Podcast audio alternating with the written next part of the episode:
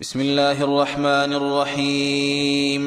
يا أيها النبي إذا طلقتم النساء فطلقوهن لعدتهن وأحصوا العدة. واتقوا الله ربكم لا تخرجوهن من بيوتهن ولا يخرجن إلا أن يأتين بفاحشة مبينة وتلك حدود الله ومن يتعد حدود الله فقد ظلم نفسه لا تدري لعل الله يحدث بعد ذلك أمرا فإذا بلغن أجلهن فأمسكوهن بمعروف أو فارقوهن بمعروف وأشهدوا وأشهدوا ذوي عدل منكم وأقيموا الشهادة لله ذلكم يوعظ به من كان يؤمن بالله واليوم الآخر ومن يتق الله يجعل له مخرجا ويرزقه من حيث لا يحتسب. ومن يتوكل على الله فهو حسبه إن الله بالغ أمره. قد جعل الله لكل شيء قدرا. واللائي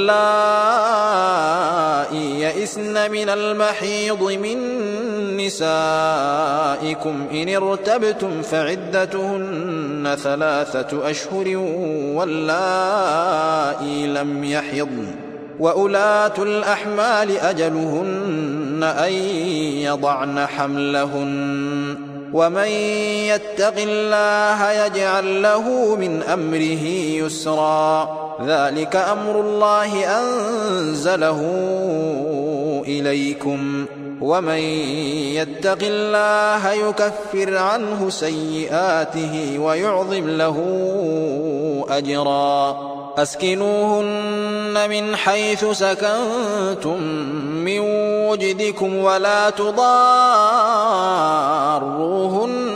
لتضيقوا عليهن. وإن كن أولات حمل فأنفقوا عليهن حتى يضعن حملهن. فإن أرضعن لكم فآتوهن أجورهن وأتمروا بينكم بمعروف. وإن تعاسرتم فسترضع له أخرى. لينفق ذو سعة من سعته. ومن قدر عليه رزقه فلينفق مما آتاه الله. لا يكلف الله نفسا إلا ما آتاها. سيجعل الله بعد عسر يسرا.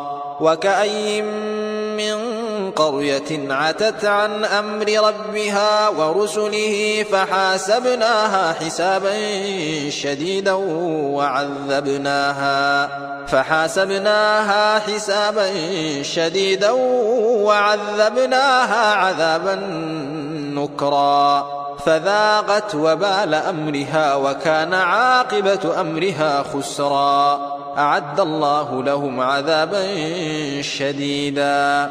فاتقوا الله يا أولي الألباب الذين آمنوا. قد أنزل الله إليكم ذكرا. رسولا يتلو عليكم آيات الله مبينات ليخرج الذين آمنوا وعملوا الصالحات من الظلمات إلى النور ومن يؤمن بالله ويعمل صالحا يدخله جنات تجري يدخله جنات تجري من تحتها الأنهار خالدين فيها أبدا. قد أحسن الله له رزقا.